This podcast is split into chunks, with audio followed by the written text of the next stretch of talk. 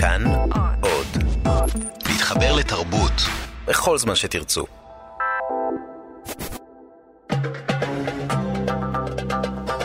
גם כן תרבות. עם גואל פינטו.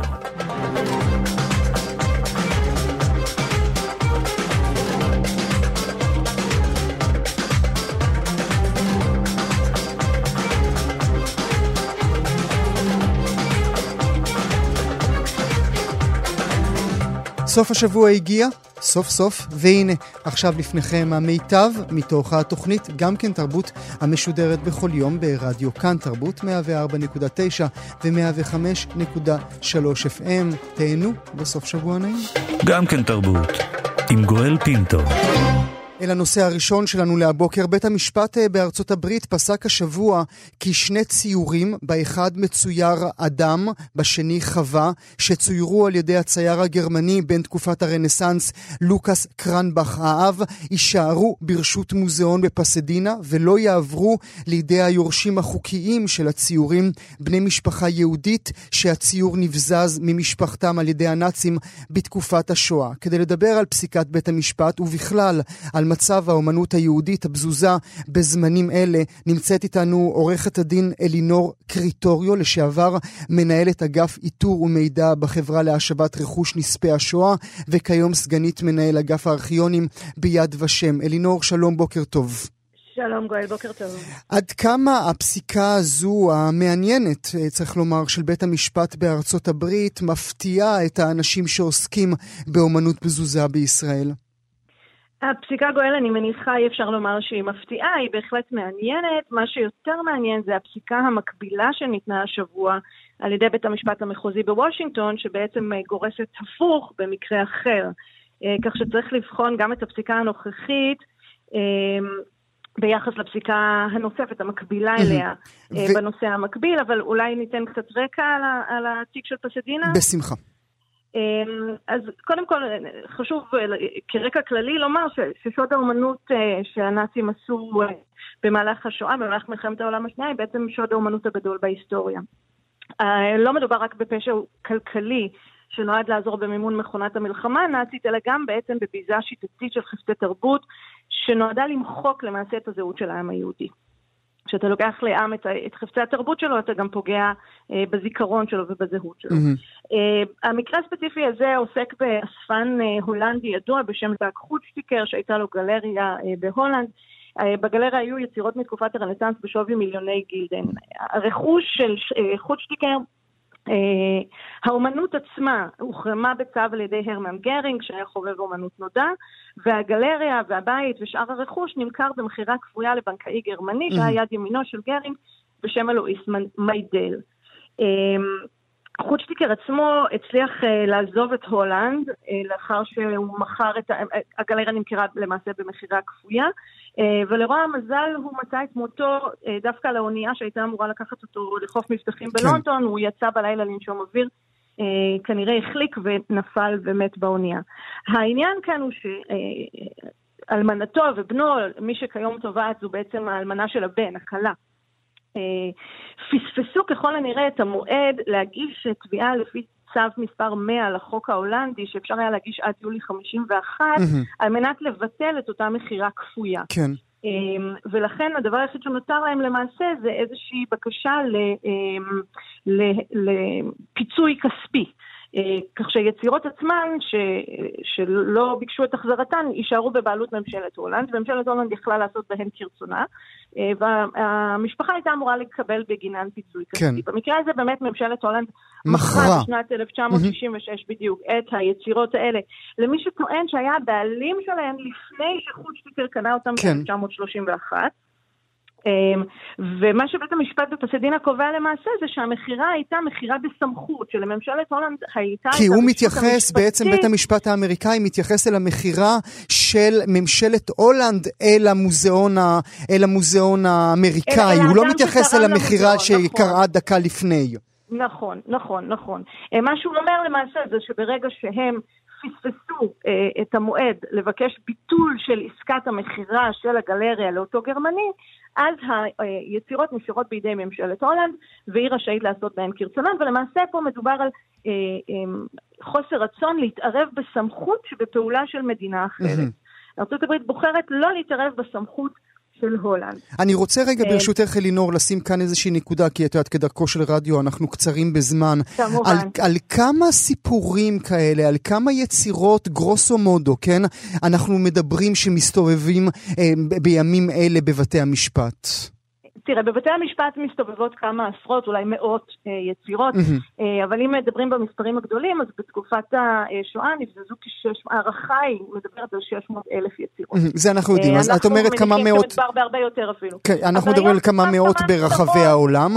אנחנו תמיד חשבנו, ואנא תקני אותי, כשאני אומר אנחנו, אני מתכוון אני, כן? אני תמיד חשבתי שבתי המשפט האמריקאים...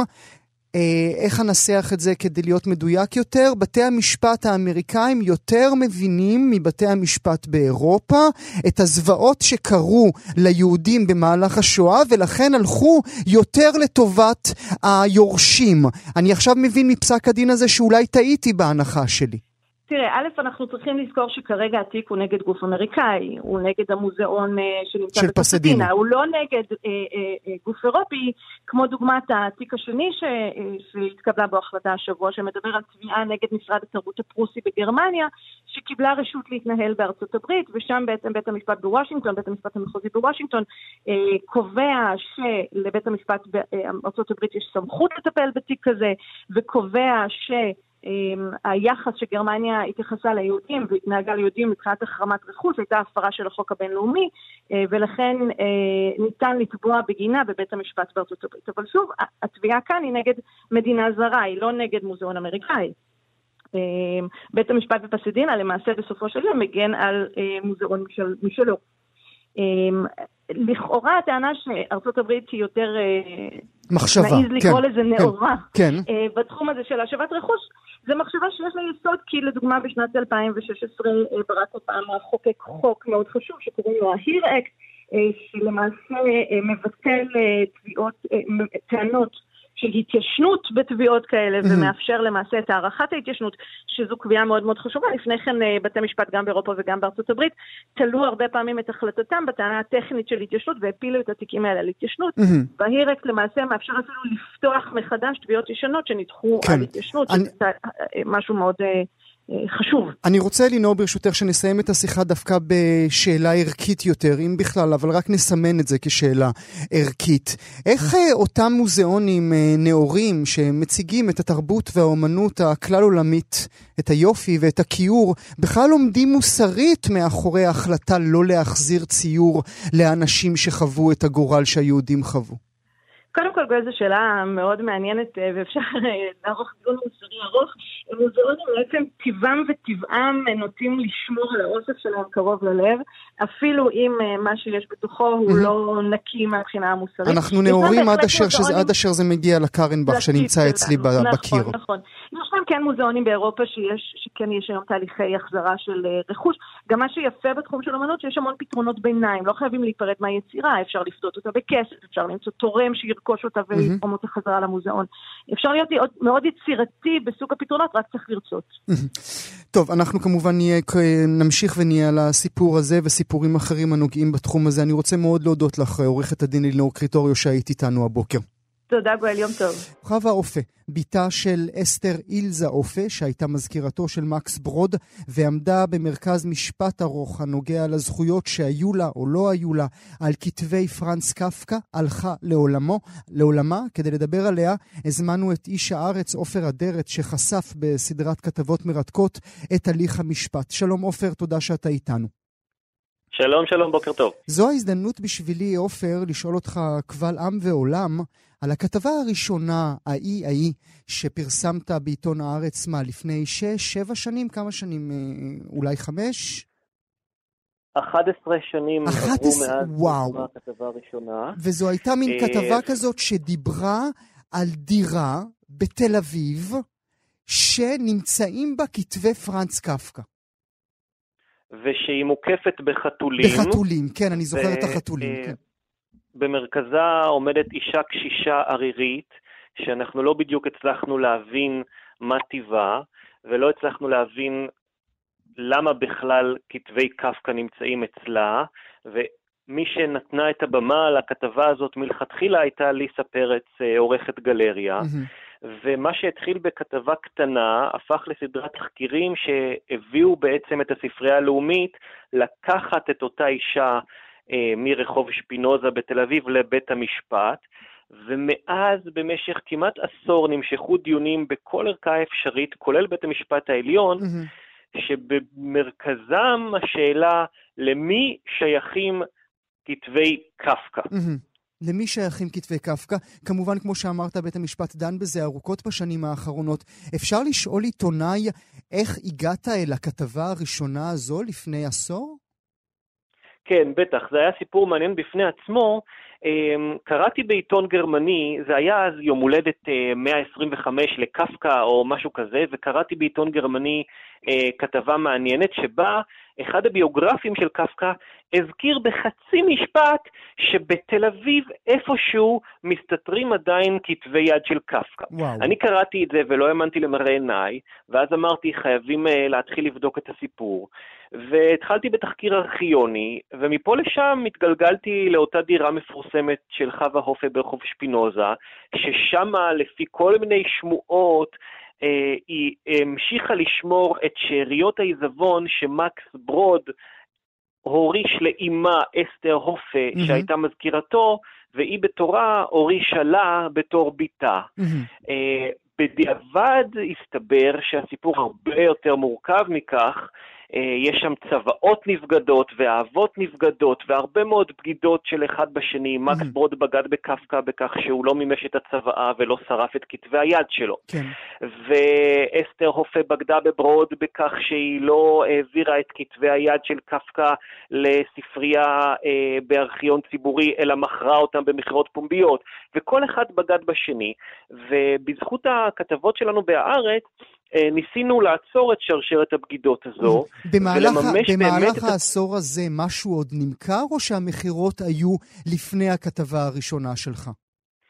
זו שאלה מצוינת שקשה מאוד להשיב עליה מהסיבה הפשוטה שאסתר הופה ובכלל משפחת הופה השתמשו בטקטיקות מאוד מאוד אה, אה, נקרא לזה אולי לא כל כך אתיות, כשהן מכרו את כתבי היד האלה במכירות פומביות. וכשאתה מוכר במכירה פומבית, יש עליך את ההגנה האנונימית, כך שאתה לא יכול להוכיח באלף אחוז שזה אכן הם, ואז אתה לא יכול להוכיח אה, אם הכתב יד זה או אחר אה, שנמכר במהלך המשפט, ואכן נמכרו במהלך המשפט ברחבי העולם עוד כתבי קפקא, האם מקורו באמת במשפחת הופה תוך כדי המשפט, או שזה משהו שהם mm-hmm. כבר מכרו מזמן, mm-hmm. ועכשיו מישהו אחר נזכר למכור ולהרוויח על זה כסף. ואנחנו מגיעים אה, אה, ל-2018, ולמרות אה, פסק דין של בתי משפט וגם בית משפט עליון, עדיין אותן כספות שאנחנו מדברים עליהן כבר שנים לא נפתחו לגמרי?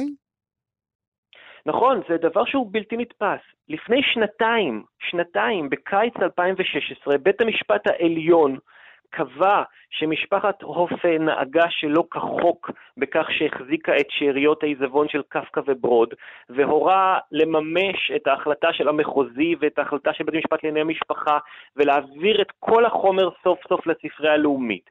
עכשיו, מרבית החומר נמצא, כמו שאמרת, בכספות בנק בשוויץ. עד היום, שנתיים אחרי הפסיקה, עדיין רוב החומר לא הועבר לספרייה הלאומית. כשאני שוחחתי עם דוקטור סטפן ליט, שהוא אחראי שם על כל ענייני קפקא והמרחב הגרמני, הוא מספר לי בצער רב על קשיים בירוקרטיים וטכניים ומשפטיים שחווה הופה הערימה כמעט עד יומה האחרון על מימוש החלטות בית המשפט. ולכן עכשיו, עם אה, פטירתה בגיל 85, עם כל הצער בדבר שאדם הולך לעולמו כמובן, אולי נפתח פתח לסיום הפרשה הקפקאית הזאת, ולהעברת שאריות כתבי היד מהכספות mm-hmm. לספרייה הלאומית, שהתחייבה להנגיש אותם לציבור הרחב, ואולי סוף סוף נוכל לדעת מה באמת מסתתר שם. כמובן. האם זה... יש איזשהו ואולי... כתב יד לא ידוע של קפקא, איזשהו מכתב, איזה קטעי יומן, האם נוכל ללמוד עוד mm, משהו? כמובן, גם הציורים שלו. על, על ועוד בדיוק, מיל, עוד מילה אחת, מילה אחת ברשותך, עופר, אבל למרות מה שאתה אומר, לא מן הנמנע שבעוד שנה תהיה כתבת שער בעיתון הארץ של עופר אדרת, שיספר על צוואה נוספת שהועברה מחווה אל יורשים אחרים. נכון, בסיפור כ"ה טוב uh, מהסוג הזה אף פעם uh, לא, נאמרה, לא, לא נאמרת המילה האחרונה, ואי אפשר לדעת מה, אם בכלל, יש בצוואה של חווה הופה. לחווה עצמה אין יורשים, אבל אחותה שנפטרה במהלך המשפט uh, הקימה משפחה, ויש לה גם ילדות וגם נכדים. אנחנו לא יודעים עוד למה לחכות ב, ב, ב, ב, בהמשך המשפט הזה, וכמו שראינו וכמו שאמרנו, השמיים הם הגבול בסיפור הקפקאי הזה. מרתק. עופר אדרת, אני מודה לך מאוד שהתפנית לשוחח איתנו הבוקר. תודה רבה לך ויום נעים. את uh, בית הכנסת הגדול של תל אביב, זה שנמצא בפינת הרחובות אלנבי ואחד העם, בית הכנסת הראשון של תל אביב, בראשו כיפה גדולה בקוטר 18 מטרים, אתם בוודאי מכירים, והנה עכשיו הוא זוכה לפרויקט חידוש. נמצא איתנו האדריכל אורי פדן, שנבחר לתכנן את הפרויקט. שלום אורי, תודה שאתה איתנו הבוקר. בוקר טוב. עדיין מתקיימים uh, מנייני תפילה בבית הכנסת הזה? בטח, יש שם... יומיים? למש... יש שם, היום פועלים uh, במקום שני בתי כנסת. אחד זה הבית, הבית, בית הכנסת הגדול, שבאמת מכיל בעיקר אירועים, ו, uh, וחגים uh, גדולים. Mm-hmm. ומתחתיו יש בית כנסת יומי, עם מניינים שבאים והולכים שם לכל תושבי הסביבה. בתדירות מאוד גבוהה של אה, כמה וכמה פעמים ביום, פתוח כל הזמן. אז מה הם אה, עיקרי השיפוט? צריך לומר, 50 שנים אחרי שחסמו אותו במין, אה, לא יודע איך לקרוא לזה, בטח יש לך מינוח, מינוח מקצועי לדרך, כן. איך קוראים לזה אני במינוח? אני חושב שבאנלוגיה זה, זה כמו ששמים תינוק בלול, אז בעצם שמו שם את הבניין ההיסטורי, הבניין הראשון, שנבנה בשנות ה-20-30, אה, שמו אותו בתוך המערכת הזאת של העמודים. אז הפרויקט בעיקרו זה לחשוף ולגלות מחדש את המבנה ההיסטורי, שהוא מבנה, מבנה יפהפה. אז בוא, בוא נחזור ו... רגע אחורה ברשותך. מדוע החליטו כן. שצריך לכסות את היופי הנהדר הזה? אה, אותה תקופה, זה גם פחות או יותר יוצא מתי שהרסו את אה, גימנסיה הרצליה ו... אה, ועוד כל מיני פרויקטים שהם קצת יותר אגרסיביים במהות שלהם. Mm-hmm. אז היה את הגישה הזאת של הישראליות המודרנית, קצת אגרסיבית. זה היה נטייה אחת. שזו הנטייה הברוטליסטית, לזה, לשם כן, אתה, אוקיי. בהחלט. נכון, והסיבה השנייה זה ש, שבאמת בית הכנסת באותה תקופה אה, קצת ירד מגדולתו, כבר הירושלים, שעד אז אה, הפכה להיות המרכז, mm-hmm. והרבה מהמוסדות עברו לשם, ובית הכנסת, והתחילה ג'נדרטיקציה, כלומר שינוי של האוכלוסייה אה, סביב המבנה. Mm-hmm. היא הפכה חילונית יותר פשוט. כן, חילונית, והקהילה שבית כנסת זה דבר הרי שחי סביב קהילה. Mm-hmm. ו... ובית הכנסת כבר לא היה לו קהילה סביב. אז הוא, אה, אז הוא התחיל להידרדר, והיה בהכרח אה, צורך לעשות איזושהי מחשבה מחדש. אה, לצד זה גם היה שם כנראה, מה שאני הבנתי במהלך המחקר על המבנה, שנעשו שם פלישות של אנשים לתוך בית הכנסת. Mm. זה היה מבנה נורא, נורא פתוח, והחליטו, וזה מה שאנחנו רואים היום, לגדר אותו. היה חלק מהפעולה, זה הגידור. ונוצר שם בית כנסת אה, שהיום, כשאתה הולך, היום, כשאתה הולך שם בערב, אז כל המדרכה בצד של בית הכנסת, mm-hmm. אנשים לא הולכים שם, יש שם ממש תחושה לא נעימה של ללכת ליד מבנה רפאים, והמדרכה ריקה, ואם מישהו עובר שם, אז אה, לרוב אה, כן. עובר למדרכה שממול. עכשיו, לך יש, אה, יש כבר התמחות בשימור מבנים היסטוריים, עשית את זה בחצר סרגי בירושלים היפהפה. איך ניגשים לדבר הזה? האם בעצם הדבר הראשון שאתה כותב על הלוח אצלך במשרד זה להחזיר עטרה ליושנה? ממש לא. מתחילים המתודולוגיה של שימור, שהיא כבר uh, פרקטיקה שקיימת uh, מספר שנים רב, זה לעשות מחקר, ל- ל- ל- להבין את המבנה הזה uh, מכל כיוון שאפשר, גם מבחינת השימור שלו ומבחינת האדריכלות שלו והסגנון, שזה דברים מובנים, וגם מבחינת הסטטוטוריקה, אבל גם מבחינת להבין למה באמת עשו בשנה זו וזאת את השיפוץ הזה mm-hmm. והוסיפו את הדבר ההוא. כי אנחנו באים, כשאנחנו באים לעשות שימור, אנחנו רוצים להבין ו, אה, ולא לפגוע, או אם לעשות שינוי, אז להבין למה השינוי הזה יהיה לטובה ואיך הדבר, אנחנו חיים ב... ברצף של זמן, אנחנו. לא יש מאין. לא, לא בהכרח. ישר למחוק את הכל, אלא לנסות בדיוק. להבין. וגם במה, חלק מהקונספט של השיפוץ החדש זה להשאיר אה, גם את הארקדה הזאת שעשה אדריכל אלחנני, שזה אדריכל חשוב שהיה לנו, להשאיר את הארקדה שפונה לכיוון אה, מערב, להשאיר אותה, ובנפח שבינה ובין בית הכנסת ההיסטורי, שמה להתאים את הפונקציות. צריך לה... גם השיפוט שעשה אלחנני, היה, היה לו, היה גם מחשבה מאחוריו. המבנה משנות ה-20 וה-30 לא היה צריך מזגנים, mm-hmm. כי לא היו מזגנים באותה תקופה. אז כשהם באו בשנות ה-60, הם היו צריכים להכניס מזגן, ומזגן לחלל כזה גדול זה וואחד, אה, סליחה על העברית, כן, אבל זה אה, יצור ענק, שהוא עדיין נמצא שם, שהוא כשלעצמו איזה מין אובייקט אה, של, של, בגובה של קומה ובאורך של אה, עשרות מטרים. ו, אה, אבל איפה אתה שם את זה? Mm-hmm. אז, אז גם אלחנני עבר איזשהו תהליך להחליט איך, מה הוא עושה ו, אה, ואיך הוא מכניס את הדברים. ואנחנו, בתהליך שאנחנו עברנו, אז לא קודם כל אמרנו בוא נמחק ונחזור אחורה, כי אז לא פתרנו כלום, אנחנו חוזרים למבנה שאין לו מזגנים ואין לו נגישות, ו, ואנשים לא יכולים אה, להשתמש בחלקים ממנו, ובטח לא נכים ולא... אז, אז מה יצרנו מזה? אז אנחנו צריכים בתהליך הזה של התכנון, ובטח בתהליך של שימור, באמת להבין את הדברים, לגעת לשורש, ומתוך זה ל, ל, ל, לחשוב ולתכנן את, ה, את המהלך הקדימה. ו... אנחנו רוצים שבית הכנסת, אתה יודע, ירוץ וישמש לעוד uh, עשרות שנים כמובן, בטח מבנה שכזה, והכי חשוב, בעיניי הכי חשוב, אבל אולי לא בעיניך הכי חשוב, אה, לסיום ככה, הכיפה הגדולה הזאת, היפהפייה, מי שהיה בפנים, יראו אותה סוף סוף גם מבחוץ אחרי השימור שלך? כמו שאומרים, בבתי כנסת, בעזרת השם. ובכל זאת, מה עם האדריכל? מה עם בעזרת האדריכל? לא, לא, בהחלט, בהחלט, בהחלט אנחנו, המטרה היא, אה, היא, שמה, היא פשוט בלתי נראית, כי הפינה הזאת של הארקדה, של הקשתות, לא מאפשרת לראות אותה, היא שינתה את הזוויות ראייה, אבל עכשיו אנחנו נפתח את זה, ואפשר יהיה לראות אותה מרחוב אלנבי ומרחוב אחד העם.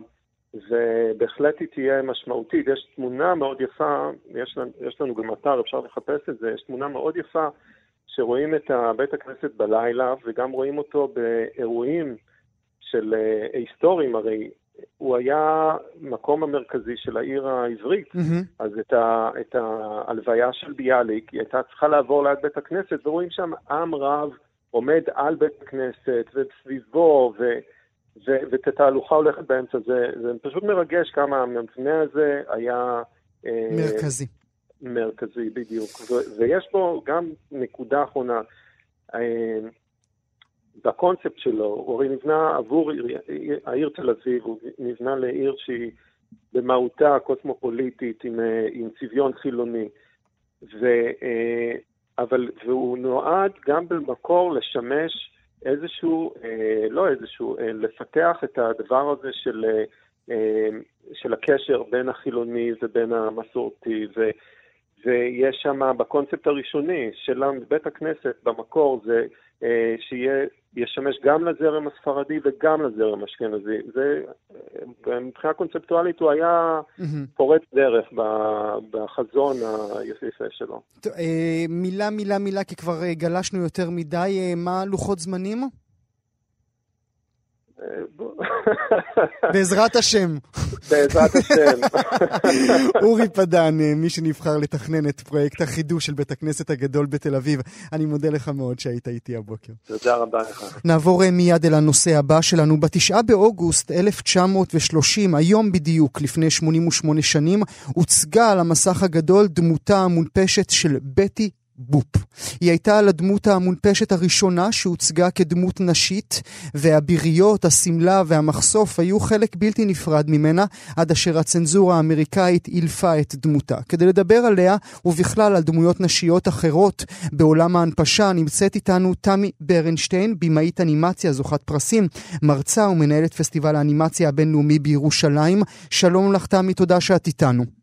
בוקר טוב, איזה כיף להיות איתכם. הייתה, הייתה דמות מונפשת מינית כמו אה, בטי, או שהיא נשארת בטופ? מעולם לא הייתה ולא תהיה, mm-hmm. ממש. היא עדיין נחשבת לסמל מין, בוודאי הדמות המינית הראשונה, כמו שציינת בפתיח, ובתור ראשונה יש לה את, ה, את הזכות הזו. אה, זה כמובן לא מוריד מג'סיקה רביט את המיניות שלה, אבל בטי בו באמת הביאה הרבה מאוד ערכים חדשים, ולא רק מיניות, באופן כללי חדשנות למסך באספקטים נוספים. אנחנו נדבר על האספקטים הנוספים כמובן. את יכולה אולי לפרק לי, אם אפשר, לכמה זרועות, את הדרך בה האישה המונפשת, הדמות המונפשת, מוצגת בהיסטוריה של ההנפשה? אני באופן כללי הייתי, כמו כל דבר בצה"ל, מחלקת את זה לשלוש, לשלושה חלקים. והנה, אני כבר אני... מפנה את הגב אלייך, כן. הצנחן. אבל אני בעצם מחלקת אה, את העולם של דיסני והעולמות המקבילים. בטי בופ התחילה שבע שנים לפני שלגיה. שצריך להבדיל, בטי היא של האחים מקס ודייב פליישר, שבעצם היו כל הזמן סטודיו מתחרה לפוריטניות, השמרנות הזו של דיסני.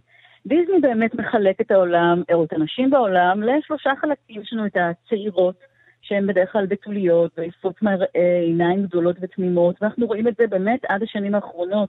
זו יכולה להיות בל, אבל זו יכולה להיות גם של גיאה. תחשוב mm-hmm. כמה שנים, 80 ומשהו שנה. Mm-hmm. הסוג השני זה נשים מבוגרות שמלוות את הגיבורה. הן חייכניות, הן בדרך כלל נשים מלאות, נטולות כל ליבידו, מין אה, דודות חמודות בלי סקס אפיל. כמו מה? תני לי דוגמה. אה, לכלוכית. לכלוכית. מי בעצם מלביש אותה אל הגבר של הנסיך הנפלא הזה שלה. Mm-hmm. אותן אה, דודות חמודות. הן לא עוזרות לה עם האם החורגת, הן עוזרות לה להשיג. Mm-hmm. והאופציה שבעיניי הכי מרתקת, זה הליבידו שמסתתר בנשים המרשעות. Mm-hmm. מיניות אנחנו רואים אצל הנשים המרושעות. האימא של שלגיה. בדיוק, היא גם חייבת להיות אימא חורגת, אחרת לא יכול להיות mm-hmm. שאימא תתעלל בביתה. כן. אז אנחנו עליהם רואים גם... 101 דלמטים. בדיוק. כל אותן נשים, אורסולה, קרואלה דוויל, הן נשים שבדרך כלל תאוות בצע. והן חוגגות את המיניות שלהן באיזשהו אופן. אה, אורסולה מבת הים הקטנה היא אישה כל כך מינית, היא מתאפרת, היא מגיעה לרמה של drag queen. Mm-hmm. היא הרי מעוצבת גם לפי drag queen, לפי דיוויין. כן. אז מה קרה אז, אה, ממש היום לפני 88 שנים, בתשעה באוגוסט 1930, שהסביבה, אה, האווירה, אפשרה את לידתה של בטי בופ? אני לא יודעת אם זו הייתה הסביבה שאפשרה כמו הגאונות של יוצר, שיוצר משהו מדם ליבו, ופשוט הסביבה אומרת, אוקיי, חיכינו לזה. האחים דייב ומקס פליישר ב-1930, סטודיו מתחרה, שבמשך שנים אפילו השיג דיסני, ההורים של סופרמן וההורים של אוליב, עוד גיבורה נשית לא סטנדרטית, הביאו לעולם ב-1930 דמות כלבת פודל.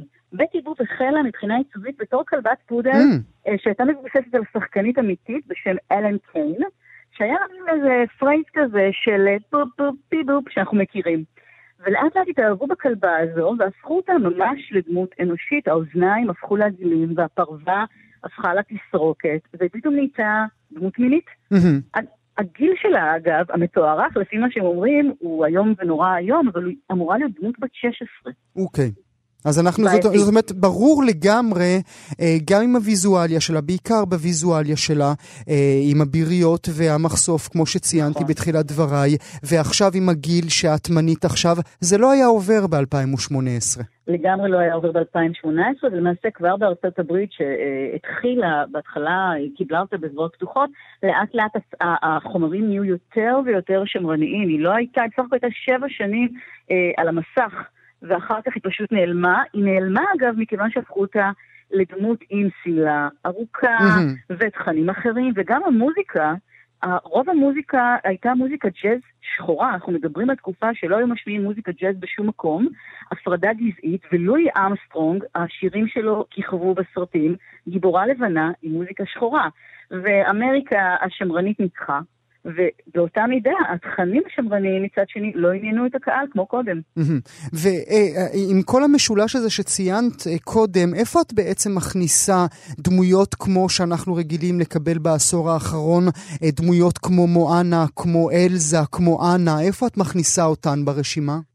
אני מכניסה אותן בתור שינוי תודעתי מאוד גדול שקורה חברתית, והוא לא בא מתוך איזה מקום אה, מלא בצדק אה, של חברות מסחריות כמו פיקסר ודיסני, אלא מתוך קריאת המציאות. הם הבינו שנשים היום, אימהות, אבות, לא יכולים להביא אל המסך של הילדים שלהם בבית דוגמאות של חתונה היא הצלחה, הגשמה דרך אה, נסיך.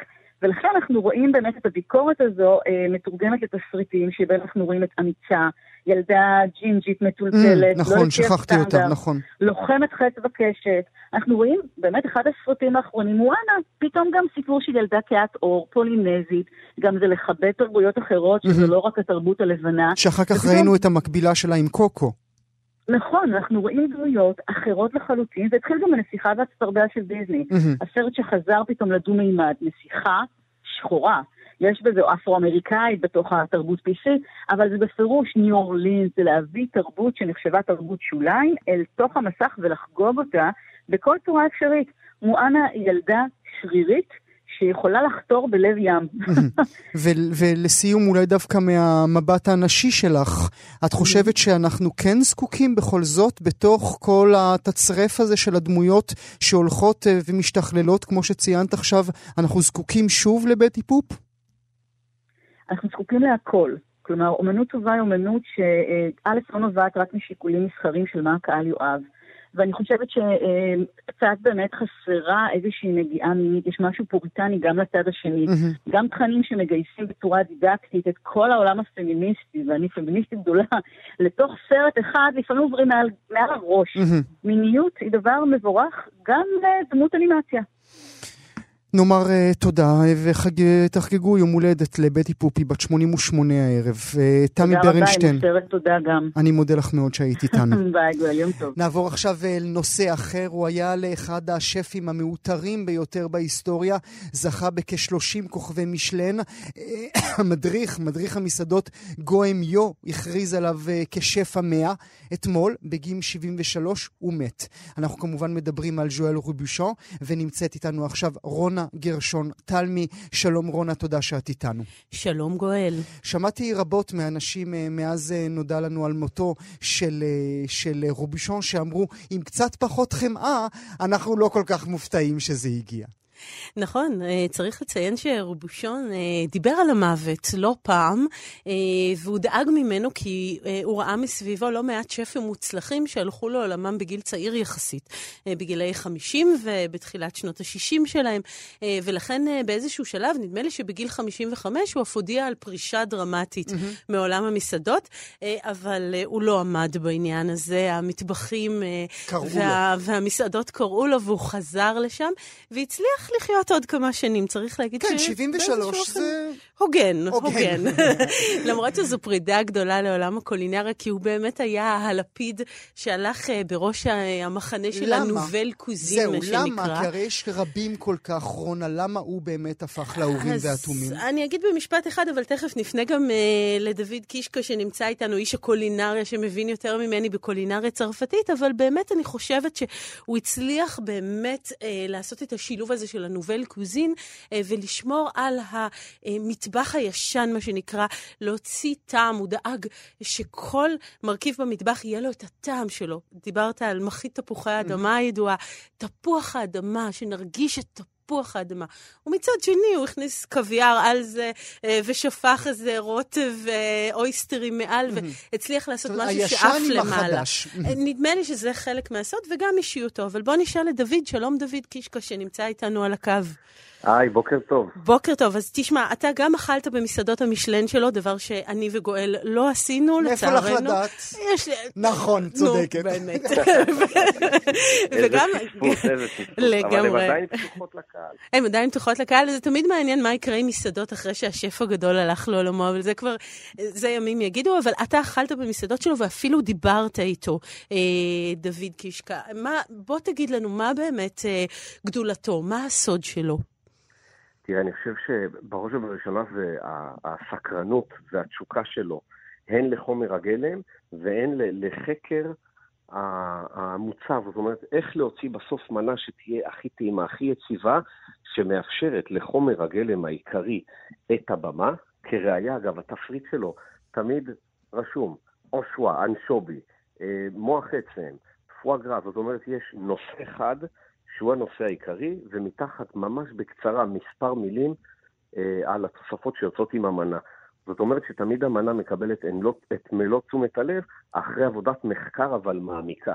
כמו למשל הפירה, אה, עשרות סוגים של תפוחי אדמה שהוא ניסה, ובישול במים עם, עם הקליפה ובלי הקליפה, ובאיזה טמפרטורות, ואחרי זה כמה יחס חמאה וכמה יחס של חלב. זאת אומרת, זה באמת עבודת מחקר, אה, כשבסופו של דבר עמד מאחוריה אדם עם המון המון ידע, עם חך אה, אה, ענין, אה, שמבין גם מה הקהל רוצה, מה נכון לאכול, ועם זאת, אדם שגם תמיד היה סקרן. מהיותו ילד שהוא בישל עם הנזירות, אבל עד סוף ימיו שעשה, ערך מסעות. באסיה ובמזרח ובאמריקה הלטינית. וגם באזורים שלנו. אבל דוד, עד כמה זה... יש לו מנת שרינץ נהדרת עם סטומק, שזה משהו שהוא לגמרי הביא כאן מהעולם הערבי ומהאזור שלנו, וזו באמת אותה סכנות של שף גדול. שממשיך כל הזמן ולא נח על זרי הדפנה. עד כמה, עם כל הכבוד לשרימפס עם הסומק, אה, שיא תהילתו זה הפירה שלו. עד כמה זה מוזר ששף בינלאומי גדול כל כך נודע בזכות פירה? בעיניי זה לא מוזר, זה אומר, זה, זה, זה בדיוק זה, זה לקחת משהו פשוט, אבל לדעת עם אינטרפרטציה אישית. להביא את חומר הגלם הכי טוב עם שיטת העבודה הכי נכונה, הכי מדויקת, ולהוציא בסוף זאת הגאונות. ובאטוליה, במסעדה שאכלתי שם מספר פעמים, המנות כל כך פשוטות, ועם זאת כל כך טעימות ונהדרות, שזה עד כדי מעצבן במרכאות אפילו למסעדן, או לשפים שהגיעו לשם, שהיו טועים איך הוא מצליח לעשות את הדבר הזה ולהפתיע פעם אחר פעם. והוא בעצמו אומר, אגב, הוא בעצמו אומר שהפירה שלו עשה לו בסוף את המוניטין הבינלאומי שלו. זאת אומרת, הוא גם דיבר על זה שכשאמרו לו, אתה מביא את האוכל המושלם, הוא אמר, אין דבר כזה האוכל המושלם, תמיד אפשר יותר. ומה שיפה נכון. בעידן שלנו היום, אה, זה שאפשר לצפות בלא מעט סרטים של רובושון mm-hmm. עצמו עומד. הוא גם היה כוכב כן, טלוויזיה. ראיתי, ב... ראיתי שעשית את זה אה, לאורך כל היום נכון, אתמול. נכון, אני, תשמע, זו עבודה קשה מאוד, ישבתי שעות וצפיתי בסרטים שלו. אה, ובאמת אפשר לראות אותו עומד ומכין את הפירה הזה שוב ושוב. שוב, וזה נדמה שזה כל פעם, בפעם הראשונה, זאת אומרת, אה. הזכיר כאן דוד את העניין שהמטבח הופך כמעט להיות מעבדה. אה, וזה אולי, כל פעם אנחנו חוזרים אל השפים הגדולים, זה לא בישול איזה שכלאחר יד נכנסים, זורקים קצת תבלין, קורת מלח, כמה שהיד אומרת. יש שם, הוא, הוא עומד ליד השפים שלו ואומר מדע לו... מדע ממש. כן, זה מדעי. מדע. אה, וזה מרהיב לראות כמה השקעה יש בפירה אחד. דוד, הוא גם היה שף של שפים או רק שף של המונים? למה הכוונה שף של אה, שפים? הסתכלו אליו? הרגו אליו? בוודאי, בוודאי. א', הייתה לו את התוכנית, באמת בין השנים 2000 ל-2009, אני גרתי בפריז אה, ב-99 עד 2004, והייתי צופה הדוק בתוכנית, ובתוכנית הוא היה מארח את כל השפים מאלן דוכס אה, דרומה, והשפים עשו לו הרבה כבוד, והוא גם עשה להם. מי שרואה את הפרקים גם היום, רואים כמה זה נטול אגו, וכמה זה נטול של אה, מניירות אה, מלאכותיות כאלה, הוא נותן את הבמה לשף שמגיע לתוכנית, נותן את הבמה לחומר הגלם, אה, וזה בא גם לידי ביטוי במסעדות שלו, ובא לידי ביטוי בייעוצים הרבים שהוא עשה ברחבי העולם למקומות מובילים. ובאמת בהערכה לה הוא זכה משפים, וכמובן התארים שהוא כתב, שזה לא יאומן. זה לא יאומן. ואגב, גם מחירי המסעדות, סליחה גואל שאני קוטעת אותך, דיברת על האם הוא היה נגיש כביכול רק אל השפים הגדולים. מחירי המסעדות היו שפויים יחסית, הכל יחסי. זאת אומרת, אנחנו מדברים על עסקיות במסעדה שיש לה שני כוכבי משלן, שעלו בין 50 ל-100 דולרים, שזה כן, משהו אבל, שהוא אבל זה, אה, לא... אבל זה גם נכון, אה, כל מי שמסתובב אה, באירופה ובארצות הברית גם, ונכנס למסעדות אה, משלן, יודע שהמחירים הם בטח אה, לא יקרים מדי, כמו שאנחנו מכירים אותם כאן לא בישראל. תמיד, לא כן. תמיד. Uh, לסיום, uh, ברשותך, uh, רונה, אני מאוד מקווה שלמשפחה שלו יש מספיק הומור כדי להכניס uh, על המצבה שלו את המתכון לאותו פירה uh, מפורסם. אז בואי אמרי לנו איך מכינים את הפירה שלו. Uh, תשמע, תמיד נחמד להגיד את המשפט הזה, הסוד הוא בחמאה. אני כן. חיכיתי שנים להגיד כן. את המשפט הזה ברדיו, הסוד הוא בחמאה. זאת אומרת, תשמע, אין פה מתכון, זה עניין של יחסים, כמו שאמר דוד, נדמה לי שזה 250 גרם חמאה לקילו, נכון, דוד? כן, אבל המתכון מתחיל עם תפוח אדמה רט. נכון, רט. אומרים תפוח אדמה רט, שמבשלים אותם, שמים במים קרים ומבשלים אותם עד חצי שעה עם הקליפה. אז זה, ככה המתכון הקלאסי שלו מתחיל, אכן אחרי זה היחס הוא אה, אה, 250 גרם על קילוגרם תפוחי אדמה, ויחס של חלב, אבל כמו שאמר, אה, החלב והחמאה אה, של הפרות באירופה. בדיוק, הוא משתמש רק בחמאה וצריך לומר שזו חמאה של בר דה בראט, זה יצרן דני, okay. אוקיי. זאת החמאה היחידה שהוא השתמש בה. זאת אומרת, תשמעו, אנחנו לא נגיע לזה בבית. עם כל הכבוד לחמאה שלנו בבית. אה, והוא גם מוריד, צריך לומר שגם העידן הבריאותי הגיע גם אליו, כי זה התחיל עם 300 גרם חמאה פר קילו. והוא ירד ל-250. המתכון שונה ל-250, זאת אומרת, יחי ההבדל הזה של 50 גרם חמאה, אבל צריך להיות בריאים. טוב, אה, דוד קיש קישקה, אה, רונה גרשון תלמי, תודה רבה לשניכם שהייתם איתנו. תודה רבה. והנה כאמור. bon appétit גם תמיד, תמיד, bon appétit, bien sûr. ז'ואל רובושון הלך אה, לעולמו. תודה רבה לשניכם. אנחנו עוברים אה, מיד אל הנושא הבא שלנו, ספייק לי, הבמאי שהביא לנו את עשה הדבר הנכון, עשה את הדבר הנכון, השעה 25, מלקולם אקס ועוד סרטים רבים ויפים, חוזר וחוזר עם סרט חדש שיוצג החל מהערב על כל המסקים בישראל. ישראל שחור על לבן שמו, במרכזו סיפור אמיתי של שוטר שחור בשנות ה-70 שמצליח, הצליח לחדור לתוך סניף של הקו קלוקס קלאן. איתנו אבנר שביט, מבקר הקולנוע של האתר וואלה. שלום אבנר, תודה שאתה איתנו. תודה שאתה מדבר איתי, הס... אה, תמיד תענוג. תודה רבה. אה, הסרט אה, קיבל את אחד משני הפרסים הגדולים בפסטיבל כאן האחרון, אתה צפית בו. כמובן נתחיל עם השורה התחתונה, עם הסוף נתחיל דווקא, וזה האם אתה שולח אותנו אליו. כן, לחלוטין. אני שולח כי זה סרט שהוא דוגמה נדירה בימינו למוצר קולנועי שמצליח לעשות שני דברים. אחד, להיות מהנה, משעשע וסוחף כשלעצמו, בתור סרט מבחינה אמנותית בלבד, וגם נותן לך משהו לדבר עליו, אחרי ההקרנה. משהו לדבר עליו אה, במובן של וואי, אני לא מאמין שזה אכן סיפור אמיתי? גם, תשמע, זה... אני, אני לא יודע שזה סיפור אמיתי כשראיתי את הסרט. וכשגיליתי בסוף שזה מבוסס על דברים שהתרחשו, לא, לא האמנתי. Uh, הרי הסיפור הוא זה לא רק שוטר שחור שמסתנן, זה גם יחד איתו שותפו היהודי. Mm-hmm. Uh, ומצליחים להסתנן לשורות הארגון הימני קיצוני, זה גם מראה את האבסורדיות ש, ש, של הגזענות, שהלבנים האלה שחשים עליונות על, על, על, על כל הגזעים הנחותים לכאורה, והם לא קולטים שהם מסתובבים סביבם זה, או מדברים איתם, הם שחורים ו, ויהודים. אה, הצלחת להבין מדוע לספייק לי היה נכון או היה חשוב להביא דווקא את פיסת ההיסטוריה הזאת עכשיו אלינו? כן, אני רוצה בבקשה להגיד שני, שני דברים. אה, דבר ראשון, אה, הסרט לא סתם יוצא עכשיו, בתאריך הזה, באמריקה, בישראל, בהרבה מדינות, זה אירועי, זה יום השנה לאירועי שארלוטסוויל. והסרט גם במהלך שמאוד מזכיר את ואלס עם באשיר, הוא מסתיים בקטעי ארכיון. אה, אמיתיים משארלוטסוויל. והדבר השני שמעניין לציין זה שהסרט הזה הוא רק סנונית ראשונה בגל של סרטים על הקוקלוקס קלן. אה, יהיו עוד אה, שלושה לפחות, שלושה שאנחנו כבר יודעים שהם בשלבי הפקה, צילומים וכדומה, ולא צריך להסביר למה, נכון? זאת אומרת, עידן טראמפ mm-hmm.